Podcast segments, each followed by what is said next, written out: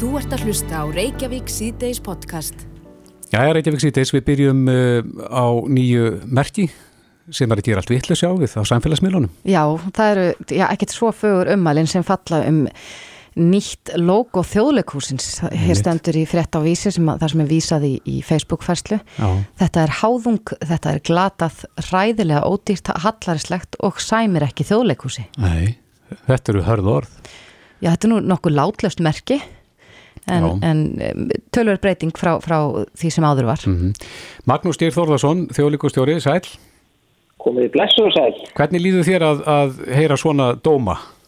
um nýja logoið? Mér, mér líður bara ákveðlega með það. Mér finnst bara ánægilegt að fólk hafi skoðanir á þessu eins og öðru og, og svo sem það eru skipta skoðanir það eru, eru þetta alveg þekkt að þegar að, að, að það kemur nýtt einkennismerki hjá rótgrónum fyrirtækjum þá hafa menn skoðanir á því mm -hmm. og það finnst mér bara, bara sjálfsagt og við höfnum því en hins vegar þá hérna gætir kannski að því að í þessari fæslu en að Ragnhildar Sverristóttir að þá hérna segir hún að, að, að gamla góða merki með grímónum og, og, og, og sveigonum það er undir að, að því hafi verið hent en það er nú ekki rétt sko því að það er í fullri nótkun áfram en við erum hins vegar að koma með svona nýja uh, nýtt merki uh, sem er nýtt samtlið og öðru miðlum mm -hmm. Hvers, ætlið þá að vera með tvö logo svona gegnum gangandi? Já, við, við erum með hérna sko gamla merkir sem er svona teiknat að það hefur verið notað lengi og svo hef, hefur komið svona ný letugjörn sem er notað með því og ymsar útgáfi notaður í gegnum tíðina. Og við erum að, að gera svona einfaldar útgáfi sem við notum til dæmis á samfélagsmiðlum og þessum nýju miðlum sem er bara læsilegra en það sem hefur verið undarfarið með gömlu teikningunni og textanum eins og hann hefur verið núna alveg síðustu ár. En, e, en þannig við notum stundum textan með gömlu teikningunni og svo stundum er það bara einfallega textin sem að breytur upp orðið þjóðleikús Já, ykkur hefur ekki þótt þetta að vera oflíkt uh, logoðu samfélkingarinnar? E, nei, ekki, ekki sérstaklega. Þetta er svo sem þetta merkir svona einfalt í forminu og hérna og það er notað e, svona hringlaga form og með e, letugjörðinni e, það er notað fyrir ímis fyrirtæki og stofnarnir og menningástofnarnir og meira sér leikús út í heimi mm. sem að nýta þetta með þessum hættu þannig að, að, að, að það tengist, tengist einu öðru sko þannig að það er ekkert verið að kynna til sjóna nýja teikningu, nýtt form því það eigum við og það notum við Já. áfram. Er það að vonist eftir því að, að ná til yngri kynnslóður með því að einfalda þetta og nútíma væða á einhvern nátt? Já, í og með erum við að því að, að, að, að við viljum að þetta þjóðleikursið sem að býra henni glæstu sögur sem að við höfum og virðum þegar við á við viljum að þjóðleikúsi sé sí út og alltaf endur nýja sig þannig að sé nýtt þjóðleikúsi mætir okkur á hverju einast ári þannig að þetta sé aftur mann á hreyfingu þannig að, að, að í og með við að gera þetta því og kannski líka vegna þess að möðlunarleðirna hafa breyst og nýja, uh, nýja merki þarf að, að virka þessu nýju meðlum sem að voru ekki eftir staða þegar það var teiknað fyrir áratugum síðan. Mm -hmm. Þannig að eftirstendur að bæði logoðum vera notuð og þið eru ekki að, að kasta gamla merkinu? Nei, nei, og það sést vel að þið eru nýbúin að kynna nýtt og glæsilegt fjölbreytt leikar mm -hmm. eh, og, og, og í síðustu viku kom út kynningarið þar sem að öll þessi dagskrá og nýjungarnar allar eru kynntar og, og þar er eh, merkið með gömlu fallegu tekníkunni er, er notuð á tveimur eða þreimur stöðum í, í, í, í blæðinu og við erum með, með þetta aftan á öllum okkar leikskrám og þess að það þannig að, að þetta er verður sannlega notað samsliða sko. Já. En, en við hins vegar erum, erum, erum búin að vera nýta tíma vel síðustu mánuðum með að svona endur skoða og endur nýja eitt og annað í er þjóðleikúsis. Mm -hmm. Viljum að þjóðleikúsi byrtist endur nýjað og, og, og, og núna þegar við hefjum síningarhalda nýju eftir þessar laungu sex mánuði þar sem að áhörður hafa ekki fengið að koma í leikhús eða tónleikastæðir ansliðis Akkurat, fyrst þú nefnir það, höfum, Magnús Geir, þá, þá er bara, er maður forveitin að vita, nú hefur já, komið bakslag í, í þennan faraldur sem geysar hér og allstaðar annar staðar, en stefnið á að hefja leikára með stæl? Já, við erum farin að stað. Við kynntum nýtt eh, fjölbreytleikar í síðustu viku og það er gríðala fjölbreytt og, og spennandi úrval leikverka sem að verður í bóði í vetur Við erum velundi búin og erum klár og erum byrjuð að sína. Fyrsta frumsýningi var á lögadagð, þegar frumsýningum upphaf sem er undur fallegt eh, leikrið sem að, eh, var afskaplega vel tekið og, og við síndum það áfram í gær og höldum áfram og núna í vikunni eru, eh, í lókvikunar eru tvær frumsýningar til viðbútar. Það er annars vegar Kópáskrónika eftir hann að Kamil Einarsdóttur, það sem að Vilmur Kristjánsdóttir fyrir á kostum og svo er það ásælasta fjölskyld og barnaverk Íslandsjóðunar, sjálfu kardimámbærin sem að mun lifna á sviði þjóðlökusins langþráð mm. á mhm. lögadagin. Já, er, er grímuskylda hjá ykkur?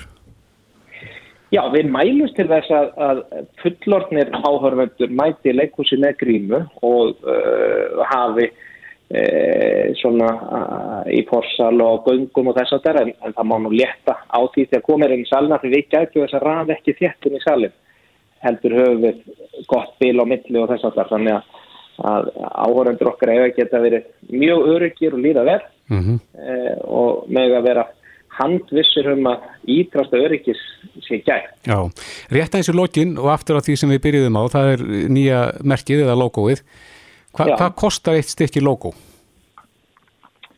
Eh, veistu, ég er nú bara ekki með alveg nákvæmlega að reyna. Þetta var náttúrulega sluti af eh, annari, annari vinnu. Eh, ég, eh, bara því meður. Ég er ekki með alveg reyna.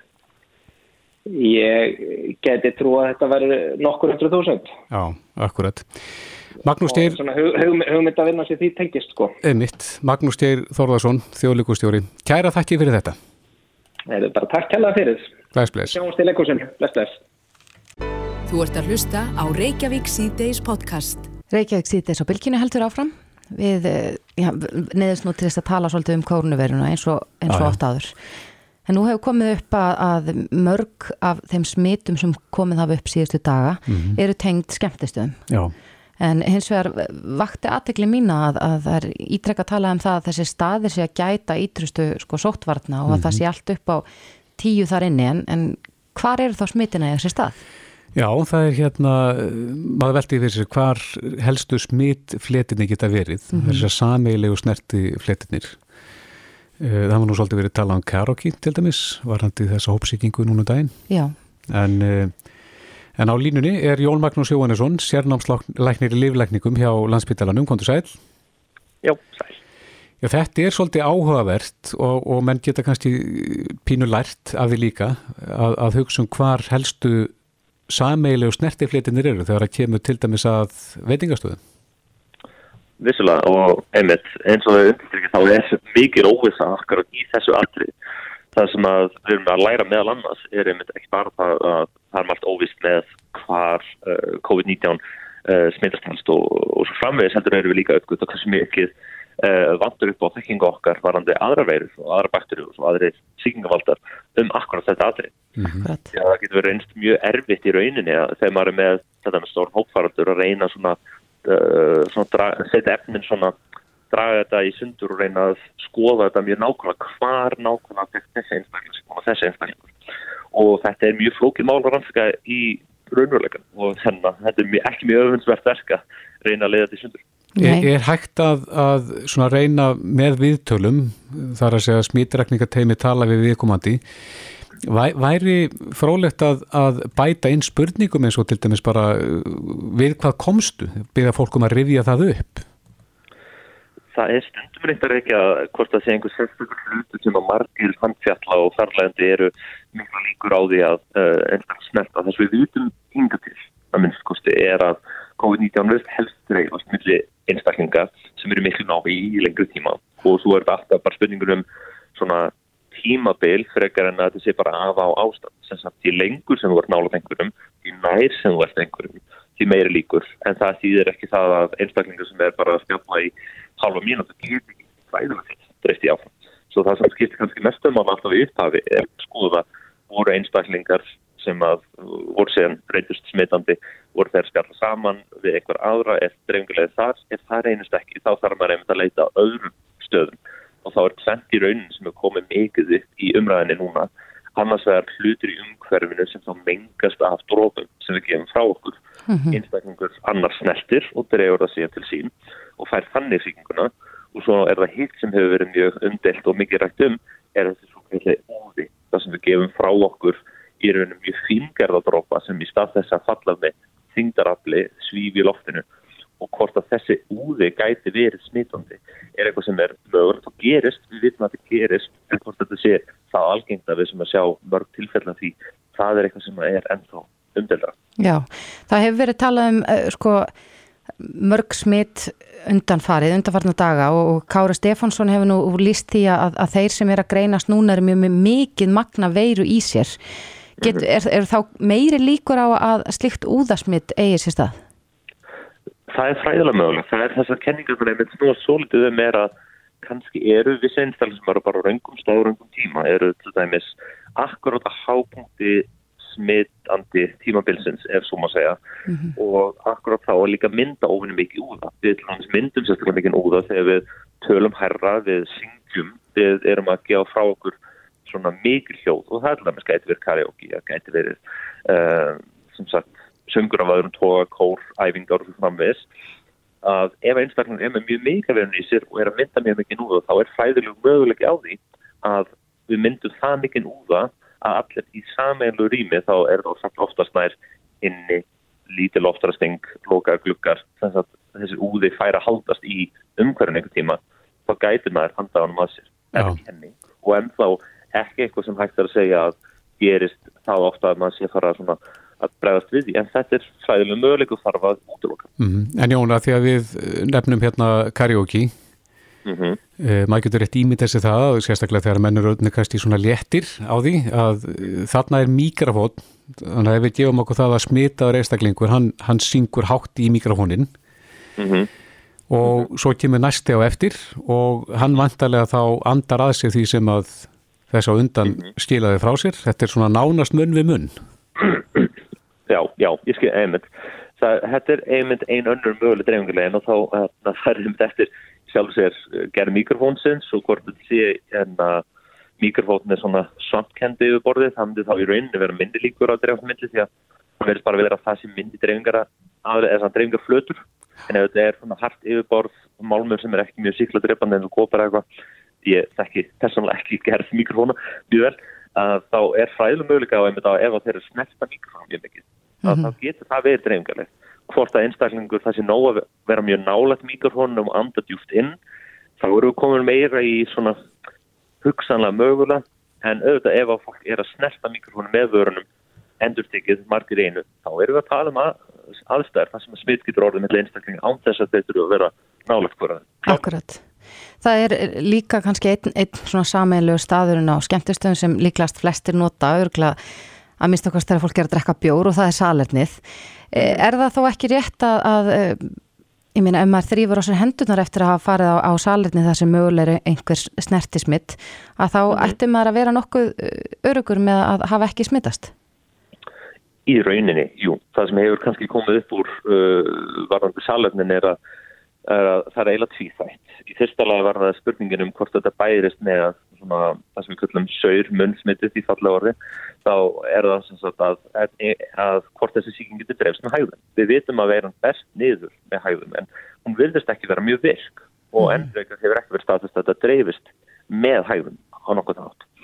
Um, en það sem hins vegar er að einmitt á klósettum þá er maður gerðan að hósta að snýta sér Eh, snerta í marga ymsa eh, mismönda hluti svo ofta er veirumagt talsvægt mikið inni á salefnum en eins og segir líkilatri er að með sem þó maður hafi snert eitthvað sem var með veiruna yfir borðinu ef maður færi á sér hendurnar og bara beitir almenn smitgátt til dæmis samæli hurðarhúnar eru svolítið varsamir stundum. Svo ef maður nota bara pappið til að opna dyrnar síðan þá ætti maður að vera bara örgur svo já, ég held að aðalatrið sé fyrir utan það er mjög svo góður áleggingar sem og þegar komið nefnit var náttúrulega að nota maska þegar bara við allar aðstæðar þar sem erum nálatengurum þrýfa hendurna reglulega og þú sérstaklega huga þessum aðstæðum þar sem að margir eru að fara samstað þá þarf maður að vera sérstaklega vakar. Mm. Rétt aðeins í lokin, Jón, þú nefndir hérna áðan kopar sem svona síkladrepandi. Já. Er, er það vísendilega sannað að, að kopar drepur bakteríur og verur? Það, það hefur sínt fram á að kopar er flötur uh, kóparflitir eru minna gerðnar á að viðhalda næla magni af veirum og bakterjum á yfirborðinu af markþættum ástöðum en það er meðlans út af því að það verður einhver svona uh, erfna hvörf við uh, yfirborðsprótin á verunum og bakterjum svo þetta er eiginlega síklutreifandi yfirborð. En svo lendur maður í því að það er ástæð fyrir því að kopar er ekki á öllum flötum hérna, inn á spítunum og fleira. Það er, er tærastöðuðla og hérna uh, oft erfur í svona nótkun. En kopar er vissulega flutur sem að er síkladreipandi að einhverju leiti og það virðist vera að fyrstur ansóknum á þessari verið sem hefur COVID-19, SARS-CoV-2 að hún lifir innan gæðsalappa mun skemur á kopar en á öðrum málmum mm -hmm. sem er frí stáli. Þar virðist hún geta lifað aftur innan gæðsalappa nokkuð góðu lífi Já, í lengur tíma. Þetta er áhugavert Jón Magnús Jóhannesson, sérnámsleiknir í lífleikningum hjá landsbytalanum. Kæra þakki fyrir þetta. Alveg sjálfsagt. Bless, bless. Bless, bless. Hlustaðu hvena sem er á Reykjavík C-Days podcast. Reykjavík C-Days, klukka fann að ganga 6 og um, það er nú fátt meira rætt þessa dagana og svona sérstaklega með tilliti til uh, þessari þriði bildju sem að verist vera farin að stað mm -hmm. uh, en COVID og uh, það var fæsla sem að vakti miklu aðtegli sem að Kristján Gunnarsson við sittum að einhver sett inn á fjersbókarsíðu sína Já, þar lýsir hann því þegar hann vektist alvarlega af COVID-19 fyrir tæpum 6 mánuðum síðan mm -hmm. en Kristján lág á gjörgjæslu deilt í 16 daga og var settur í öndunvel en hann lýsir því að hans í þessum pistli sko hvernig hann upplifði, hann fekk martraðir og var með óráði mm -hmm. og, og í raun og veru að þetta var allt svona nokkuð óraunverulegt þegar hann uh, vaknaði eftir að hafa verið uh, á gjörgjæslu mm -hmm.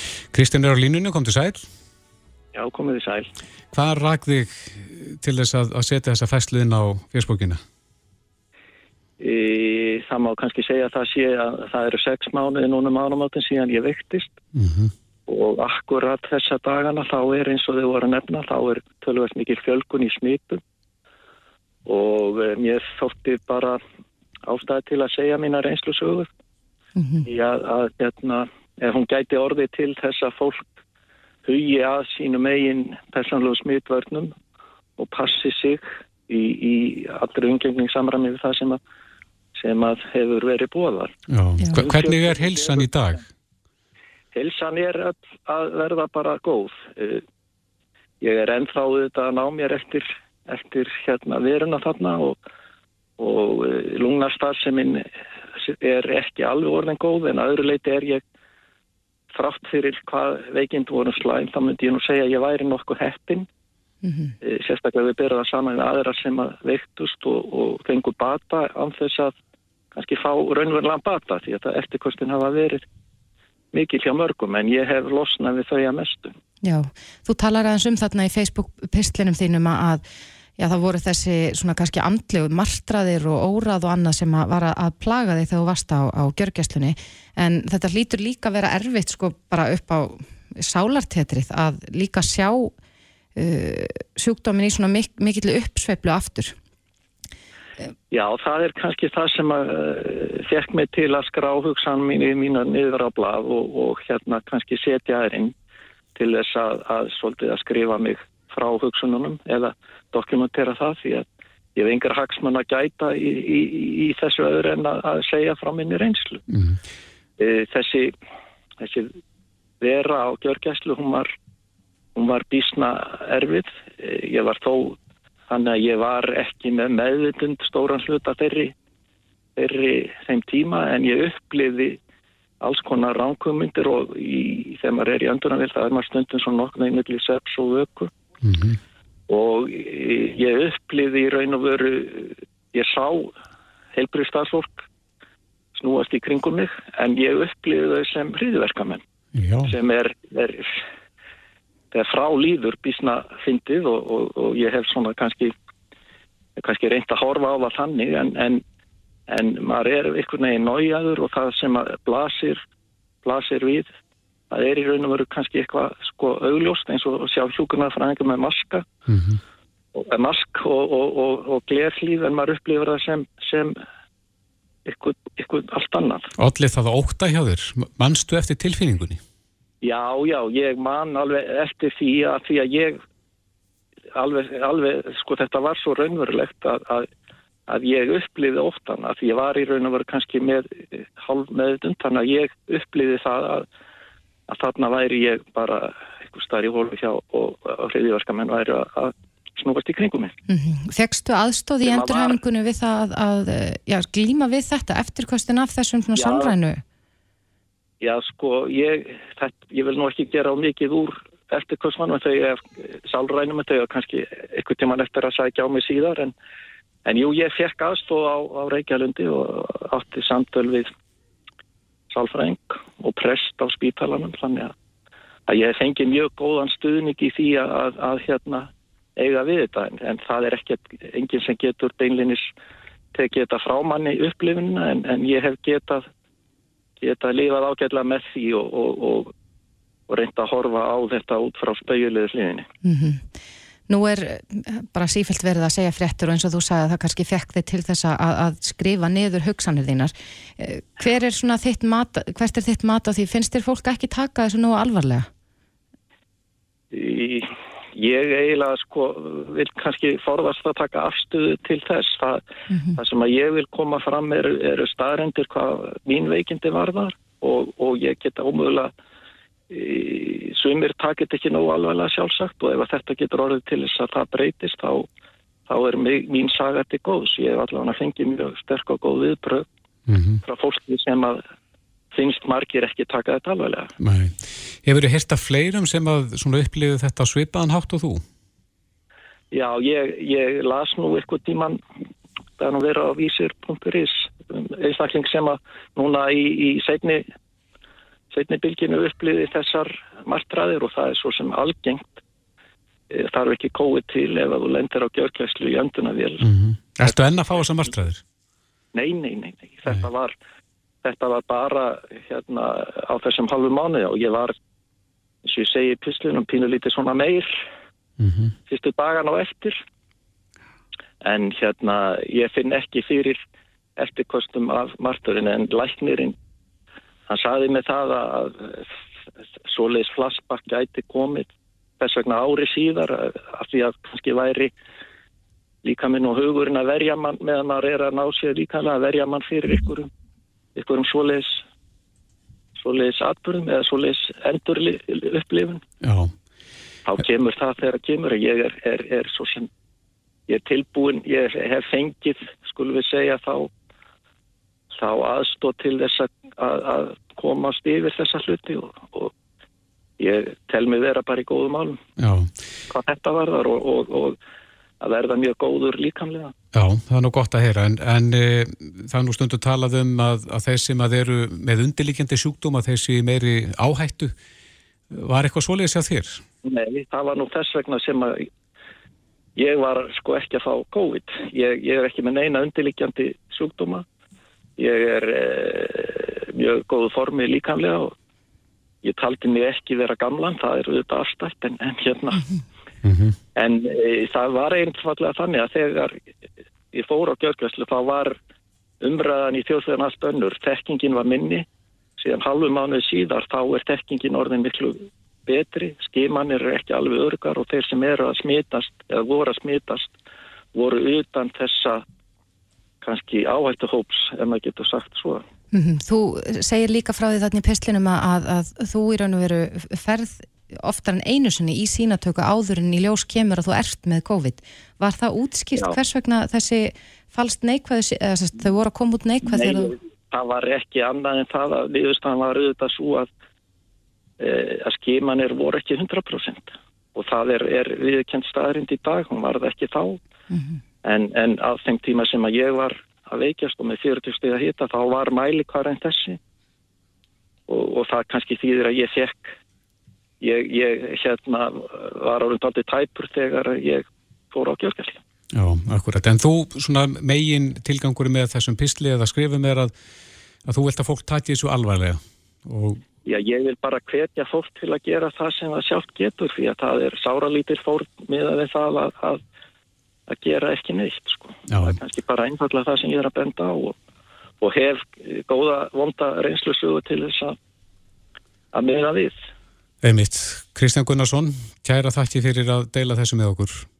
Já, það var ekki Reykjavík síðdeis á bylginni Reykjavík síðdeis, aðeins að sóttvarnamálum. Á línunni er sóttvarnalæknir Þórólu Guðnarsson, kom til sæl. Já, sættastu Já, staðan í dag, e, þetta náttúrulega fóra þess á flug og, e, en, en eru þið að ná tökum á þessu svona með við þessa tölu sem við sjáum í dag? Já, þetta svona lítur ágætlega út þannig að, að við vorum með náttúrulega, fórum að dansi hátt fyrir tveimur dögum síðan og svo lækkaði það um hvað 50% í gær og núna frá því gær lækkaði það um 20% eða, mm -hmm. eða fælkaði öllu heldur fjöldanum. Já. Þannig að það svona bara lofar góði en við vitum hins vegar frá fyrir einslu þetta getur seflast svona upp á niður og, og það þarf ofta ekki mikið til til þess að það komi upp bara smitt út frá einhverju sko þannig að þannig það er nú best að vera ekkit að og uh, miklu happi fyrir en kannski síðar en, en þetta lítur svo sem ekki til út. Næ, en uh, hérna Helbjörn sá þegar hann ákvaða að fara þínum ráðum og, og það verður ekki gripið til nefna sérstakra aðgera umfram það sem hefur verið gert núna. Já. Serðu fyrir að þetta ástandminni vara og, og þessar ástafinni núna eitthvað frameftir?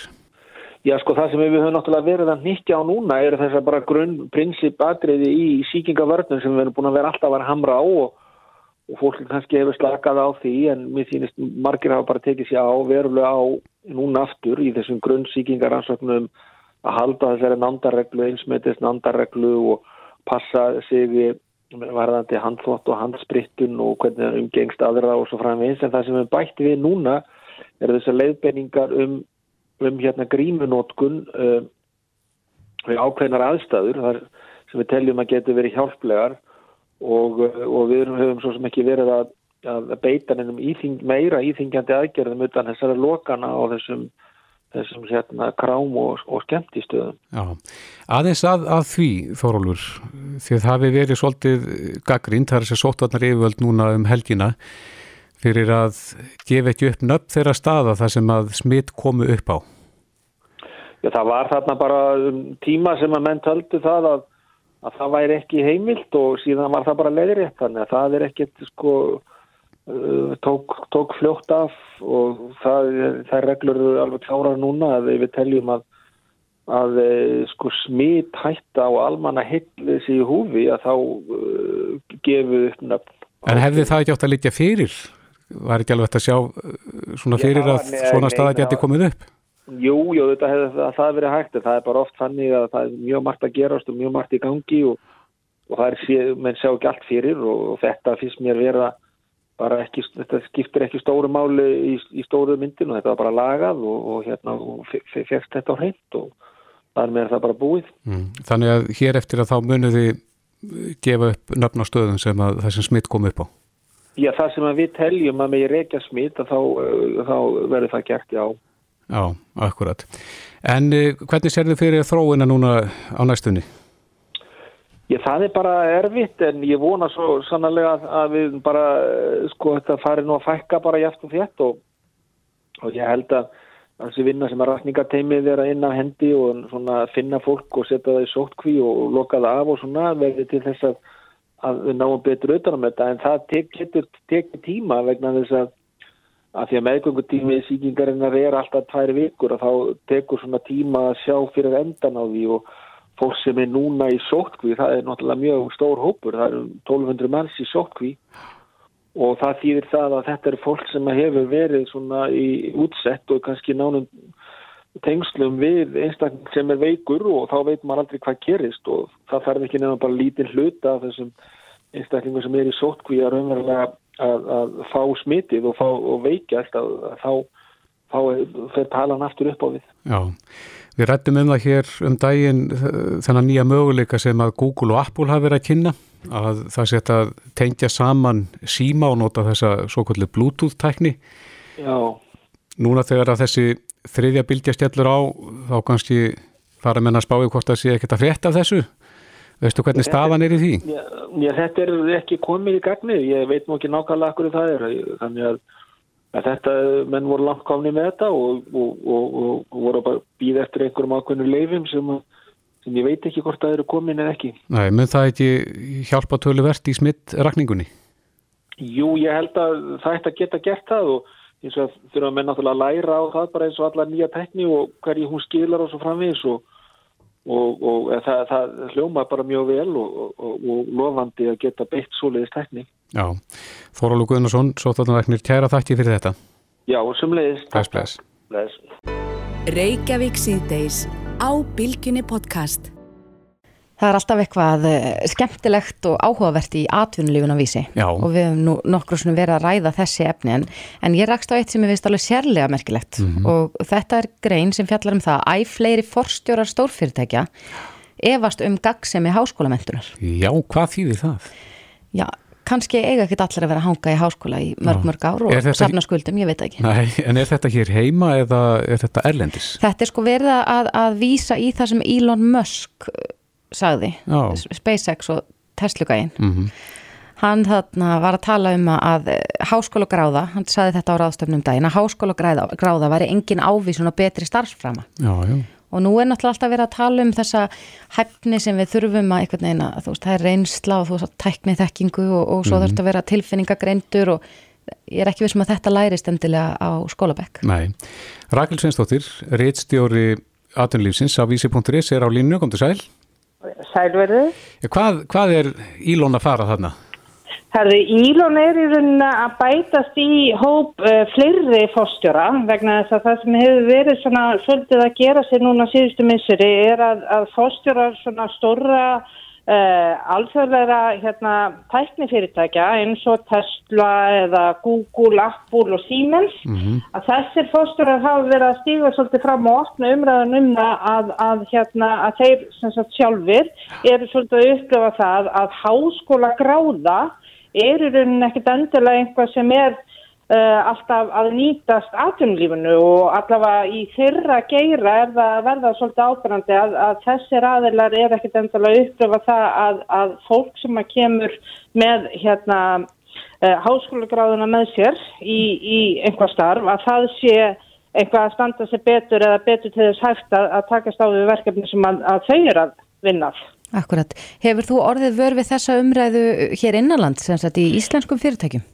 Já, ég held í rauninni að sama umræða sé fann á staði hérna heima bara í öðru formi. Hér hefur verið meira rætt um það og reynda að vísa líka í erlendaransóknir og, og umfjallanir að það er verið að tala um að uh, sagt, þessi hérna hraði sem er allum tækniframförum núna, hún hérna þessi hraði sé í rauninni að mynda ákveðu svona uh, ákveðna þekkingar eiðu eða gjá. Þannig að í rauninni hérna eru fyrirtæki að breyta svo rosalega hratt að það að starfsfólk hafi í rauninni þekkinguna sem til þarf æskilegast væri hérna fyrir hérna svona þessi, þessi nýju og breyttu hérna störf að hún sé ekkit eftirlega til staðar og ég held í rauninni að af því að þetta er að verða svo ábærandi komundur frá þessum fórstjórun tæknireisan úti að þá skefum við svolítið að sjá bara hérna hliðin á þessum sama peninga. Það er ákveðin gjá, það er svona ákveðin eiða sem er mögulega myndast vegna þess að,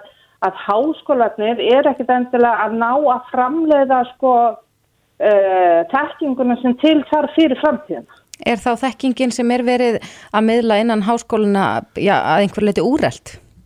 Já, hún, hún, það má svona vestaði fyrir sér hvort að, að hún sé að einhverju leiti að hérna uh, dragast aftur úr eða oföst í hérna sagt eldra fyrirkomulegi sem að hendar ekkit endilega hérna vel. Ég tók eftir því líka Þórtís að þú fóst inn á inn á önnur orði í engangi eins og til dæmis tilfinningagrein mm -hmm. og svo framvegis þannig að, þannig að það eru líka fyrir utan svona þekkingu og kannski þekkingu á tæknumálum og svo framvegis að þá er líka verið að tala um hæfni á nýjum sviðum sem við höfum ekkert mikið verið að ræða áður eins og til dæmis þetta með hæfni og hérna í samskiptum eða tilfinningagrein mm -hmm. þannig að atvinnulífið er svona svolítið bæði að hérna takast á við mjög uh, breyttar aðstæður og hérna hraða, mikinn hraða í öllu sem heitir tekni og framfærir og hins vegar er með það, þú veist að fólk hvort sem það er hérna búið að starfa lengi innan hús eða er að koma ný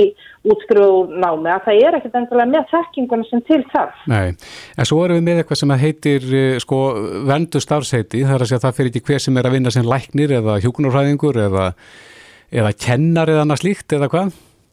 Nei, það, það er náttúrulega líka og það er svo sem búið að reikna það út með, með flest þessara hérna starfa, þú veist, hvaða líkur eru á því, þú veist, að, að tæknin muni í rauninni annarkvært leysa störfin og hólmi eða breyta þeim mikið, þú veist, og, og eflust er það þannig í svona ofsalega sérstökum hérna tilfellum eins og til dæmis eh, lækniða hjúkunumfræðir, þú veist, að þar kannski er mentunin svolítið up to date, mm -hmm. þú veist, en, en á þessum almennan vinnumarkaði að þá er það kannski þannig veist, að það er verið að hvetja bæði til þess að sjálfa fólk og, og, og horfa meira á símöndun til þess að mæta þessari eigðu sem er að myndast. Og sömulegist líka hérna, veltum að því fyrir sér veist, þegar það eru svona reysar eins og Google og Apple til dæmis Apple fólkstöðin segir að, að það sé bara helmingu starfsmann ekki að þeim sem er með háskólagráðu og Apple og Google eru dæmi um fyrirtæki sem segja við gerum ekki kröfu um háskólagráðu mm -hmm. þegar við erum að ráða veist, hérna í störf að þannig eru bara fyrirtæki þú veist að upplifa það að þeim vantar uh, þekkingu og vilja fá í rauninu ákvæmna hæfnin og er ekki að, að er ekki treyð með þessa þekkingu frá uh, fólki sem er endilega með gráður. Nei, en er þetta þá spurningum að, að fólk þarf bara að vera á tánum og, og sækja námskeið og annað til þess að auka hæfni og, og færni sína fyrir sín ímsu störf? Já, ég held í rauninni að þegar það verða að hvetja til þess að, að hérna, fólk horfi eða fyrirtækjum vinnustöður og fólk hérna, horfi á símöndun að þá erum við að tala um símöndun á allskynnsviðum. Þa, það getur verið hérna námskeið í einhverju bara mjög praktísku yfir í bara veist, námskeið og þjálfun í tilfinningagrind. Mm -hmm. það, það eru alls konar hlutir sem eru í bóði og, og það er einhvern veginn bara að verða augljósar með hverjum deginum að við þurfum að fara meira í þjálfun og við þurfum að fara meira í símættum vegna þess að annars breykar þessi gjá. Já. Og, og, og síðan er það í rauninni sko bara allt önnur umræðu út af fyrir sig þú veist að, að hérna, þegar að við sjáum svona stór hérna, fyrirtækja að LinkedIn sem er svona þessi faglegi samfélagsmiðl hérna sérstaklega á, á, Erlendis mm -hmm. að hérna samkvæmt greiningu hjá þeim að þá hafa sagt, þeir verið að taka eftir því að, að það er að færast í aukana og svona eftir sóttir vinnustæðir eru í rauninni hérna í, í auknum mæli þú veist að óskættu fólki án þess að gera kröfu um, um háskólamettun og þá er mitt veltið maður því fyrir sér sko fólk sem er að koma sem er í rauninnan fjárfesta í uh, kannski áralöngu námi veist, og, og, og útskrast með sko miljónur á bakinu í, í námslán að það náttúrulega kemur þá inn á vinnumarkaðin og veltið því fyrir sér sko býtunum við hvað er atvinnulífið að segja mér? Veist, er atvinnulífið að segja mér það þú veist að, að ég þurft ekki að eða og miljónum í eh, námi þú veist, það, það, það er það er eins og að sé, við erum á einhverju svona, við erum á leiðin inn í einhvað millibilsástand. Mm -hmm. Já. Já, þetta er áhugavert. Rakel Svensdóttir, reittstjóri atvinni lífsins á Vísi. Kæra þakki fyrir þetta. Takk sem leiðis. Reykjavík síðdeis á Bilginni podcast. Reykjavík síðdeis, hann er oft gaman að velta fyrir sér þróun mannsins. Já. Við erum að þróast og höfum verið að þróast. Já, er líka verið á það bent að við erum mögulega að þróast í öfu átt með því að við erum alltaf að hanga svona yfir símunum okkar Já. við séum að vera að koma með krippu. Einmitt og það hefur nú með verið heilt í gegnum tíðin að, að botlangin til dæmis mm -hmm. sé óþart lífæri en það er hann fjarlagur úr mörgum. Já. en spurningin er þá hvena til dæmis fæðist fyrsti maðurinn án botlanga er það, það bara gerast? Og, og munu eins og nefnir hérna að því við erum nótum þumlana mikið í símunum koma þeir til með að taka einhvern breytingum? Já, það er góð spurning En uh, á línunni er Arnar Pálsson, profesor í lífræð og erðafræðingur. Kom til sæl. Sælverðið. Já, það er eh, heilmikið að, að frétta úr þessum geyra er það ekki, Þró, þróun mannsins. Jú, hérna þróunafræðingar hafa svona síðustu ár farið að geta unni meira með mannin af því að það verður að skoða erðasamsetningu og eiginleika margra stofna, þannig að mm -hmm. það er, er heilmikið að gerast í þessum bransa. Hvað er, hvað er líklegast að, að gerist næst? Að því ég nefndi hérna á með botlangan erum menn eitthvað fannir að spá því hvernig fyrstum maðurinn fæðist án botlanga? Eh, það er svona uh, það er svona þetta er svona opinn spurning að þú horfir á svona lífur og aðtvar hvað eiginleikar skipta máli varandi tilvist og hverju skipta ekki máli mm -hmm. hérna, við náttúrulega erum komin á, á þann stað að hérna, kannski vissir eiginleikar sem voru nöðsynlegi fyrir 10.000 árum eru kannski ekki nöðsynlegir í dag sko. eins og hvað? Má, má ég beða maður um nefna dæmi? Já, það er bara svona hérna, næringalega eru við hérna, eh, komin á annar stað heldur en fyrir 10.000 árum, flest okkar mm -hmm. verður við að kennast. Minna, við fáum næga næringu, við þurfum ekki að hérna, þrauka af hérna, hungursneiðar hérna, eh, allavega vesturlandabúar og þá kannski er það samsendingin okkar einhvern veginn að passa betur við hérna, nútímafæðu, mögulega endingu en fornaldarfæðu. Mm -hmm. En með botlangan sko, hérna, fólk hefur talað um að hann sé ekki hérna, til einn skagns en það hefur síðan verið aðra rannsóknir sem segja að hann sé nöðsynlega til þess að halda við ákveðinu svona örveruflóru í haganum, svona, svona sé uppsprett á svona endurnýjandi hérna, örvera sem að hérna, hjálpa til að halda stillingu í, hérna, í, í, í þörmum og öðru sko. Þannig að hann spilar enn stóra rullu? Já, það er allavega tilgáta sko, mm -hmm og ég reyndar er ekki það vel lesin að ég viti til þess að sé sko hafi fæðist manneskja án botlanga en það, það kann að vera. Mm en spurning hvort að svo manneskja hafi verið hævari heldur en aðrir það, það er náttúrulega hérna, hérna, kannski fórsend af þess að, að sá eiginleiki myndi veljast úr og verða allsáðandi Mm -hmm. En hvað með eins og, og til dæmis eins og tennur að við erum með jaksla sem eru teknir og, og þeir eh, sagðir þjóna engum tilgangi og, og svo hef ég heyrt að því að, að, að sko forverar okkar hafi jafnvel verið með enn fleiri jaksla. Já, já, sko tennur eru hérna aldrei svona merkileg fyrirbæri við náttúrulega erum búin að það er tvent í þessu, það er sko síkur og tann hérna hyrða þannig að hérna við náttúrulega eh, með því að breyta fæða okkur að borða mikið að sigri þá voru tennur að eiðileggjast mjög hratt eins og hérna í kynslu forfæðra okkar og, og þar á undan þar sem að hérna fólk fekk hérna gómi í vermingagjöf og eitthvað svona mm -hmm.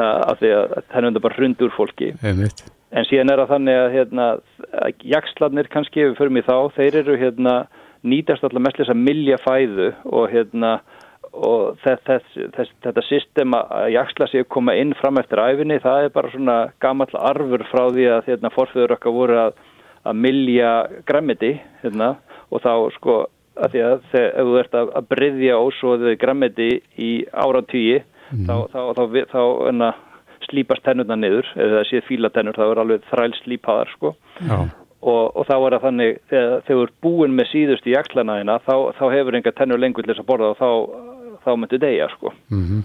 Þannig að þessi, þessi tilhengi ekstan þess að koma inn setna, það er svona tilgátur um að það sé þá bara svona arfur fortíðar Já, sem, að, sem að við náttúrulega svo sem hérna, þurfum bara að tjónga við núna með hjálp tann, tannleiknarna. Einmitt. En í hvað átt stefnu við?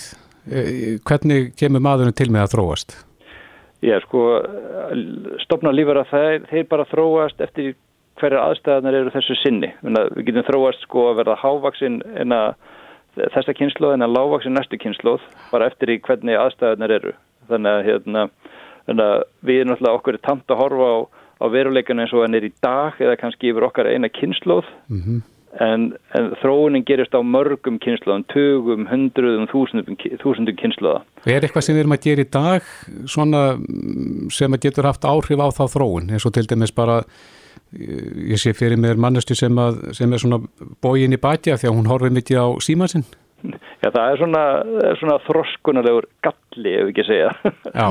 Lík, líkamsbeitingagalli. Það er, það er ólíklegt ef að þú hókir yfir símanuðinum í sko 30 ára að öll börniðin verði sko hókin. Hérna, það, það er von til þess að þau getur rétt úr sér og hérna, gengið eðlilega. Já. Það eru góða fréttir. Já, nema náttúrulega þeir sem að hú, húka meira yfir símanu sínum eignist fleiri ákameldur en hinnir. Þetta ég er ekki vissum það heldur. Nei.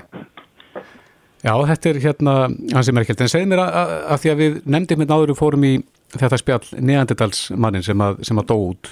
Mm. ef hann er ekki dáið út hvernig hefði maðurinn og neanderdalsmaðurinn hvaða samspil hefði þar verið? Hvernig væri veröldin í dag ef hann er ekki dáið út? Örglega var nú ekki skemmtilegri hérna það er sko hérna neandalismennir þeir náttúrulega síðustu þeirra dó út fyrir eitthvað 35.000 árum um það bil og hérna og það þeir aðskildist frá forfæðurum okkar fyrir ykkurum öðrum hvað 300-400.000 svona með ykkurum skekkjumörkum uh -huh. þannig að þeir voru hérna, kannski, kannski undir tegund en ekki það fjarskildir að þeir gátt ekki að ægslast við hérna mannin við, já, við forfæður okkar uh -huh. all, allavega sko minnstrið er smá skemmtilegt sko að hérna, það eru freka litlar mennjar um neandidalstíðana í afrísku fólki meira í Evropabúum og hérna, svona, eitthvað svona eh, stofnum í, í Asíu mm -hmm. þannig að það er bara hluti af okkar sem að hérna, voru þá menguð eða fengum DNA frá hérna, frendum okkar í, úr neandidal mm -hmm. en hérna það er, alveg, það er erfitt að spá fyrir hvernig sko Uh, samvistin hefði getað þróast Menna, það er alveg að mörgum öðrum tegundum eru svona náskildar tegundir sem að lifa hlið við hlið án mikillega svona vandkvæða það er, það er spurning hvernig hvort þetta hefði í lengst hjá okkur hérna. Já, en nú er hægt að ganga í næsta apotek og, og eh, panta svona DNA erðapróf mm -hmm. er, getur maður að sé eitthvað leifar af neandertalmanni þar ef það eru í manni? Það eru svona hérna einhver svona fyrirtæki hérna, segist geta gerst líkt en það er þannig að hérna, eh, framlag frá neðandidal er frekar smátt, það eru hérna, svona hleypur á, á stökum prósentum.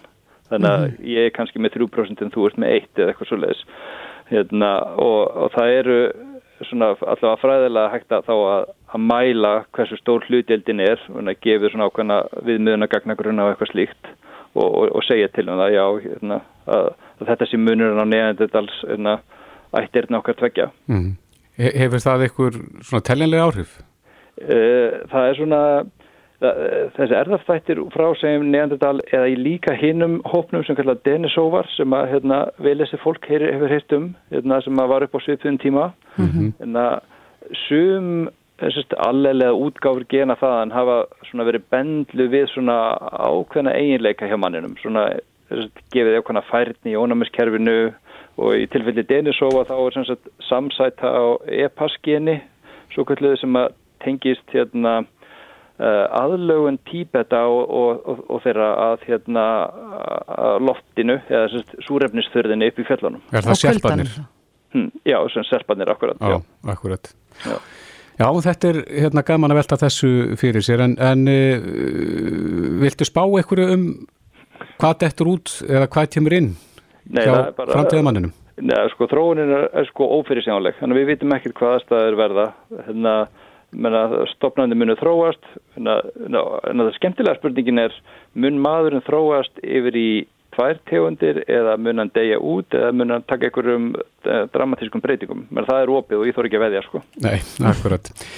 Látum þetta vera loka orðin Arnar Pálsson, professor í lífræði og erðafræðingur. Kæra þakki fyrir þetta. Takk fyrir spjallið. Bless, bless. Blessaður. Þetta er Reykjavík C-Days podcast. Reykjavík C-Days, aðeins að pólitíkinni, en það er nú fara að stýttast í þingkostningar. Það er verða á næsta ári og maður heyri það, það er komið svona ettja hljóð í, í mörg frambóð. En uh, við heyrum líka því að, að fólk er að gera sér klárt í slægin. Nú eitt nafn sem hefur svolítið komið fram á sjónásviði núna um helgina er nafn Tómasar Tómassonar eða Tóma og Tómaborgurum sem er á línunni, kom til selv Tómi Já, hæ. Já, þú eh, stefnir á þing? Já, ég hef búin að hafa þetta í maganum núna í áratögi Já. og bara láta reyna á það. Hva, Hvað er það við þingmastarfi sem að heillar? Nú sko, þetta er nú búin að vera eilíf bara átt að hjá mér í þessu bröldi veitingunum að ég sé það að þetta er nú bara framhald af því að hérna slást og berjast og koma góðum hlutum á kopin Já e, Ertu búin að staðsetja sjálf með þig? Hvar, hvar ertu á þessum pólitiska skala, hægri vinstri? Ég er nú í flokki fólksins núna þannig að ég veit ekki hvort hann er til hægna vinstri, hann er nú bara einn og sér. Já, þannig að þú, þú stefnir á að, að hérna bjóðið fram fyrir hönd flokks fólksins. Já, já, ef ég verði talið og góður í það. Já, akkurat. En hvað er svona efst á, á stefnuskaninu þér? Hvað, hvaða mál er það sem að þú brennur fyrir? Það vissulega er það hérna aðbúnaður eldri borgara, það er ekki spurning, ég er sjálfur eldri borgari og, og, og það er svona viða sem að mætti bæta það mm -hmm. Og, og hérna einstæði fóreldrar, það er bara brennur í mínu hjarta að hjálpa einstæði fóreldrum. Já, hvað er það helst þar sem að vantar upp á hjá, hjá þeim? Það er bara svo margar, sérstaklega konur náttúrulega því það eru meira hlutar sem einstæði fóröldra sem bara, þú veist, verulega að hafa fyrir lífunu mm -hmm. og, og ég veit að móði mín, hún, uh, hún hérna, hennar líf var hálfgeir margru sem einstæði fóröldra, en ég átti að má því að, að hérna, að lifta hundi bakka við það. Já, þannig að þú þekkir það af einn raun. Já, já, ég sá það bara í beinu útsendingu. Já, akkurat. En eldri borgarni, þú ert í þeim hópi, þú ert nú í fanta formi tómið samt? Uh, Jú, sko, maður, ég, ég fer reglulega inn í world class og, og hérna kannski 3-4 sem ég viku og reyna að halda mér í formi en, en hérna, ef maður gerir það ekki reglulega þá er það fljóta að fara hverfa. Já, þannig að, að heilsa eldri borgar, hún svolítið, er hún svolítið í, í höndum fólksins, það er að segja að, að, að rækta heilsuna sína? Já, því fyrir sem maður byrjar þeim munir sko með betri árangur nærmaður þegar maður eldist en það, en það er aldrei sent að byrja sjóðu. Næ, akkurat. En þetta er svolítið hérna, afskiptur hópur, Tómi, þegar maður heyri það að eldri borgara kvart og oft og yfirlega undan því að, að það sé ekki staðið í kostningalofur, en að þetta sé svolítið glemtur hópur á millikostninga? Tekur undir það? Já, já, sko ég náttúrulega er ekki fann að sko, verða varfið að sjálf og persónulega annað heldur bara að ég les og sé og, og þetta er svona einn eitt af þessum málefnum sem ég kynna mér rækilega. Mm -hmm. ég er, þetta er náttúrulega bara fyrstu skrefin síðan að taka núna þannig að, að ég er svona, kannski ég er ekki orðin nógu vel að mér í smáandir á hann til þess að geta tjáð mig svona einhverju viti. Nei, átt þetta er hellar út í það. En eh, gefum okkur það, Tómi, að þú kemist nú í þessa stöðu, þú erðir hérna fengir glimrandi kostningu og, og flokkurinn fengir það, þú myndir fljúin á þing jafnvel í hérna flokkunum færi ríkistjórn og þér eru þið bóðið ráðherrasæti. Hva, hvaða ráðin þetta myndur vilja? Já, það er nú sko, storti spurt. Eh, það, það eru tvö ráðinni sem að ég myndi svona kannski ímynda mér að ég myndi passa í. Já. það er náttúrulega ferðamálar ráðherra ég, ég þekki ferðaðina en bara síðastlega 52 ári hef ég ekki gert neitt annað heldur en að að standa í, í ströngu í, í, í hérna, verkefnum sem tengjast þeirra þannig að það er í algjörlega heimavelli. Hvaða verkefni eru það? Bara hvað sem að, bara ferða yfir þessi slíkur en enda lausnar afturring og það er hótel, það er gisting og það eru ferðir og mm. bara jú neyminn skilur það þarf einhvern veginn að ferða mann á þeirra þarf að vera inn í því sem hann er að sísla með og taka ákvarðanir um hvað sem það er. Já, en hittir á nettið? Nú, ég er nú búin að vera víða erlendis, við erum að reyka hérna búlur í bæði Kaupmannahöfn, London, Berlin, Róm, þannig að, að ég ímynda mér að ég sé nú ekki sko neins veitamæður því ekki erlendis. Nei. Þannig að, að hérna, að hver veit. Þannig að auðvitað er ekki sá þeirra eða ráð þeirra ferðamála, erum við að tala um það? Já, okkur ekki. Já. Tæti rórættur við því? Nú erum við sko langt fram úr okkur sko.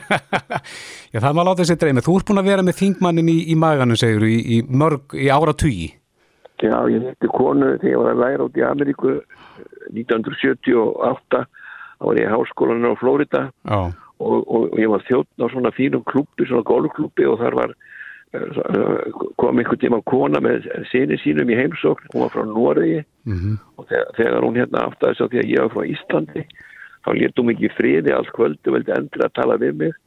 Og svo í, í, í lokin þegar hérna eh, kvöldunum var að ljúka þá tók hún í hendina á mér og horfið í auðvara á mér og sagði og þetta er náttúrulega dátt í íslensku stjórnmálum þegar er eldri. Já. Og, og hérna ég bara tók hann að trúalega Já og það er kannski komið að því núna. E Já, það er ekki núna þá aldrei. Já. Eitt kannski aðeins í lokin, Tómi, þú sagðir eitthvað frá því viðtali að þú borðaðir í það minnst eitt borgar á dag Ég gerði það í 12 ár en þetta er svona eh, eftir ég minkaði vinnuna Já. þá hef ég svona eh, minkaði hambúrgar áti kannski neyri svona þrjá stundum fjóra á, á viku. Á viku. Og, og ég, ég fer við það, ég fæ, að, ég fæ mér að smakka hambúrgar hjá samkjöfninsæðalunum bara til að vita hver, hvernig við stöndum og, og, og ég önn og það segir svo er að það eru ansi margi konum með góða hambúrgara núna á, hérna, á Íslandi. Já, en þú ert brautriðandin í þessu. Já, svona, ég er kannski mest ábyrgandi ef við getum orðað þannig. Já, akkurat. En, en, en Tómi, við segjum bara gangið vel í, í hérna því sem þú tekuði fyrir hendur. Já, takk fyrir það og takk fyrir að ringi mig. Kæra þakkir. Ok. Bless, bless. Bless, bless. Þetta er Reykjavík C-Days podcast.